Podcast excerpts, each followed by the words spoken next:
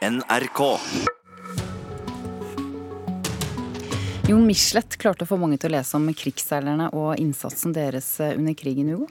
Opplaget til En sjøens helt er på i hvert fall 800 000 etter det vi har kunnet regne ut. Han ville skrive den store romanen om krigsseilerne, og så ble det seks romaner. Serien heter altså En sjøens helt. Og nå er det kjent, dette blir en TV-serie som skal vises på NRK. Foreløpig én sesong om første bok, 'Skogsmatros'.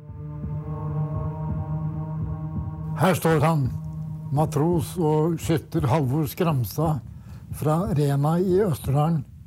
En stille dal i Norge. I den verste larm som har vært hørt på kloden siden Jerikos murer falt. Stemningen her på kontoret er veldig høy. Og jeg vet ikke om du kan høre champagnekorkene gå i taket, men det er ikke langt unna. Det sier produsent Jon M. Jacobsen i produksjonsselskapet Filmkameratene, som har ventet tre år på klarsignalet fra NRK. Nå får han lage TV av den første boka i den totalt seks bind lange serien, som vil seile ut på skjermen i løpet av 2021 eller 2022. Det vi kaller sesong én, eh, den eh, er på åtte episoder av 45 minutter. Eh, det bringer oss ut av bok én, men ikke noe særlig langt inn i bok to. For regnskapets skyld burde Jacobsens champagne kanskje vært Prosecco. TV-versjonen av Jon Michelets livsverk blir nemlig en av de dyreste norske TV-seriene noensinne. Det budsjettet vi opererer med nå, er på ca. 150 millioner. NRK tar halvparten av regninga, rundt 75 millioner kroner. Resten må Jacobsen og filmkameratene skaffe selv, gjennom privat finansiering. Dramasjef Ivar Køhn i NRK var ikke i tvil om å bli med på spleiselaget. Ja, 'Sjøens helt' eh, og Michelets bøker er jo fantastiske historier. og um, Det var stor interesse for det, og det tror jeg er viktig at NRK og vi i Norge forteller denne historien. Han har sett og hørt det meste, og trodde vel egentlig at han hadde sett og hørt alt. Men dette Ja, det var Jon Michelet selv. Han døde som kjent i fjor. Og så var reporter Øystein Tronsli drabløs. Guri Hjeltnes, direktør ved Holocaust-senteret, historiker som selv har skrevet flere bind om krigsseilerne. Hva har en sjøens helt gjort med vår kunnskap om krigsseilerne? Jon Michelets eh, helt eventyrlige suksess og det store eposet om en sjøens helt har jo fornyet interessen og forsterket den. Eh, gjennom eh, tiårene så har jo alle samfunnsinteresserte og historieinteresserte visst om uretten og eh, motstanden og mm, i det hele tatt problemene og uforstanden sjøfolkene møtte.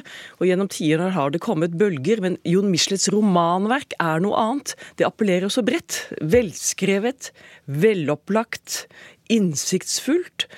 Eh, og skrevet med varme og kjærlighet. Det er jo et bokverk skrevet med hjertet og med hjernen. Dette var vanlige norske matroser som mønstret på. Lite annet eh, de at det skulle bli en verdenskrig og de skulle kjempe mot uh, tyske ubåter, ofte ubevæpnet. Hvem var de, denne gjengen av norske krigsseilere? Ja, Halvor Skramstad, hovedpersonen her, han var jo fra oppe i Rendalen. Det er jo gigantisk flott grep, da. Han har drevet med jakt. så og han blir jo skytter om bord på handelsflåten, så han mønstrer jo på eh, denne unggutten her på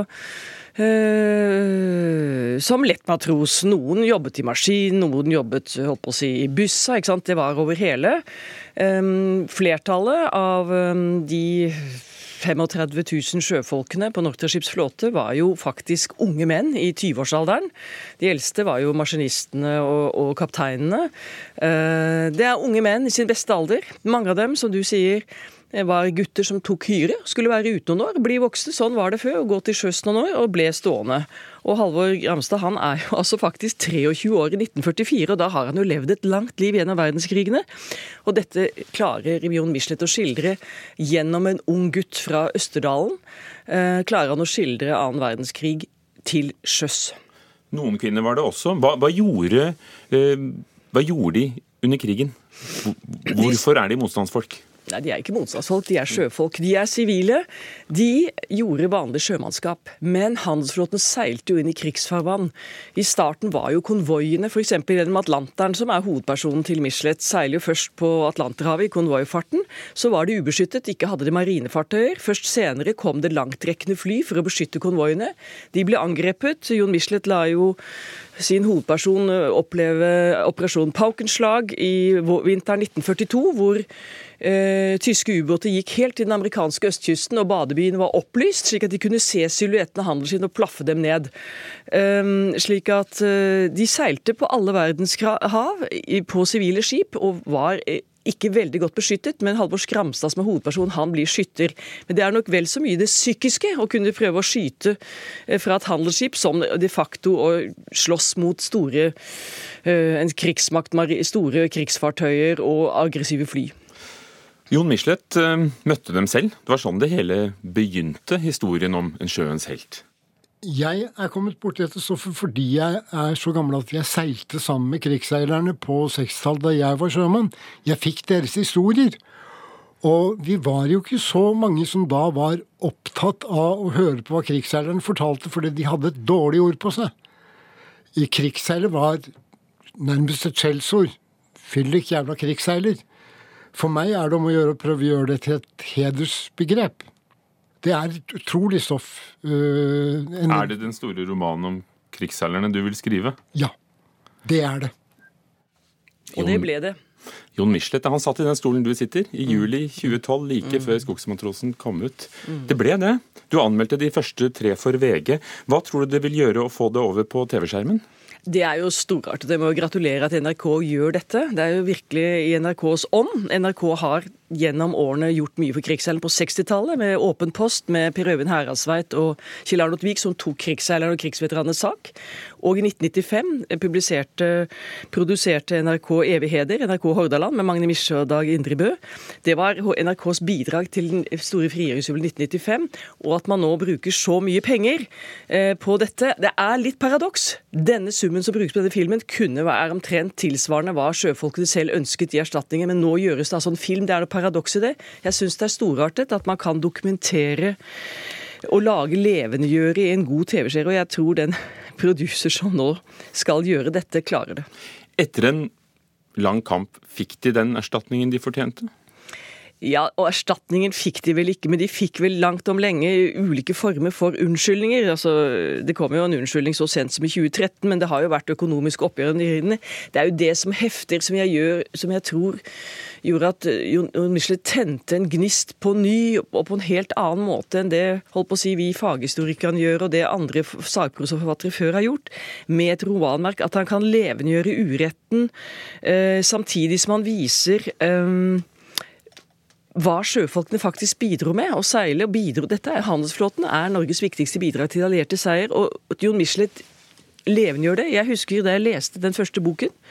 Beskrivelsen av skipet slo meg med stor styrke. Det er ingen som kunne skildre dette som han, når han beskriver Halvor Skramstad som går om bord.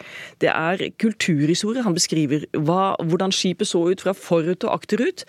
Og kunne, det er kulturhistorie og en kjærlighetshistorie til norsk handelsflåte. Men det er jo romaner for deg som historiker. Han sa selv at han kunne bruke sterkere farger, tøffere erotikk, litt hardere slagsmål, litt større kjærlighet. Er det, er det riktig nok for deg? Ja da, og han, det er jo faktafiksjon, og jeg er jo veldig glad at den litt sånn hjelpeløse macho-sexen i første bind ble mye bedre når han forelsker seg i irske, irske Muriel. Da han, det er noe som roer seg utover i det romanverket. Jeg syns ikke den første romanen er den beste. Et par andre av det er det, så jeg håper det blir mer enn bare én sesong. Takk skal du ha. Guri Hjeltnes, historiker, direktør ved Holocaust-senteret. Og så nevner jeg at den dokumentaren fra 90-tallet, 'Evig heder', den kan vi alle se på TV, nrk.no, eh, når som helst mens vi venter på En sjøens helt.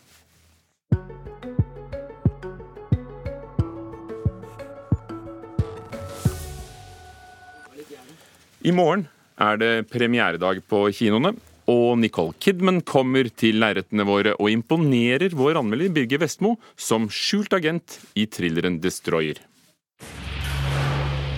I lied. I stole. And worse. People are dead. It's my fault.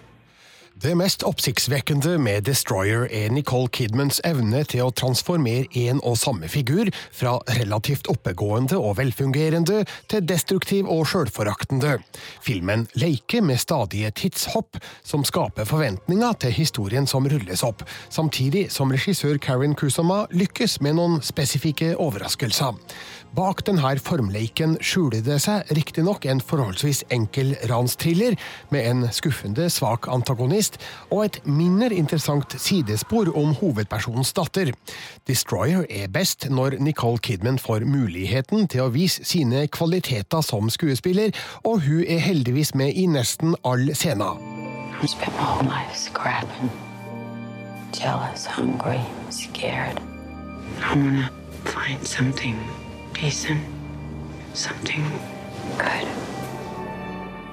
Politietterforsker Erin Bell, spilt av Kidman, blir kontakta av Silas, spilt av Toby Kebbel, lederen av en ransgjeng hun infiltrerte 17 år tidligere, sammen med sin kollega Chris, spilt av Sebastian Stan. Det antydes sterkt at noe gikk fryktelig gærent den gangen, men vi får ikke umiddelbart vite hva. Hun ser på den nye meldinga som en trussel, og leter opp noen av sine gamle kontakter for å finne Silas. Vi ser hvordan hun forsøker å stoppe hans nye ransplaner, samtidig som vi i tilbakeblikk får avslørt hva som skjedde mellom dem sist. If we do this, we accept the consequences. Yes. Do you love me? You know I do. Det finnes mer underholdende undercover-politifilmer, som for eksempel Point Break, The Departed og Donnie Brasco. Sjølve ransaspektet ved Destroyer er bare middels spennende og lite oppsiktsvekkende. Forholdet mellom Erin og Chris blir skildra for tynt til at det store engasjementet vekkes. Det samme gjelder den sporadiske kontakten med Erins forsømte datter, Shelby, spilt av Jade Pettyjohn, som historien kun gjort mye mer ut av. Dessverre er òg hovedpersonens nemesis, Silas, en svak figur, der skuespiller Toby Kebbel ikke greier å gjøre han til en spesielt interessant motstander. Regissør Karen Kusama lykkes bedre med å fortelle historien på en måte som skaper noen uventa overraskelser. Filmens beste bestanddel er likevel Nicole Kidmans solide skuespill som en tragisk figur på vei mot avgrunnen.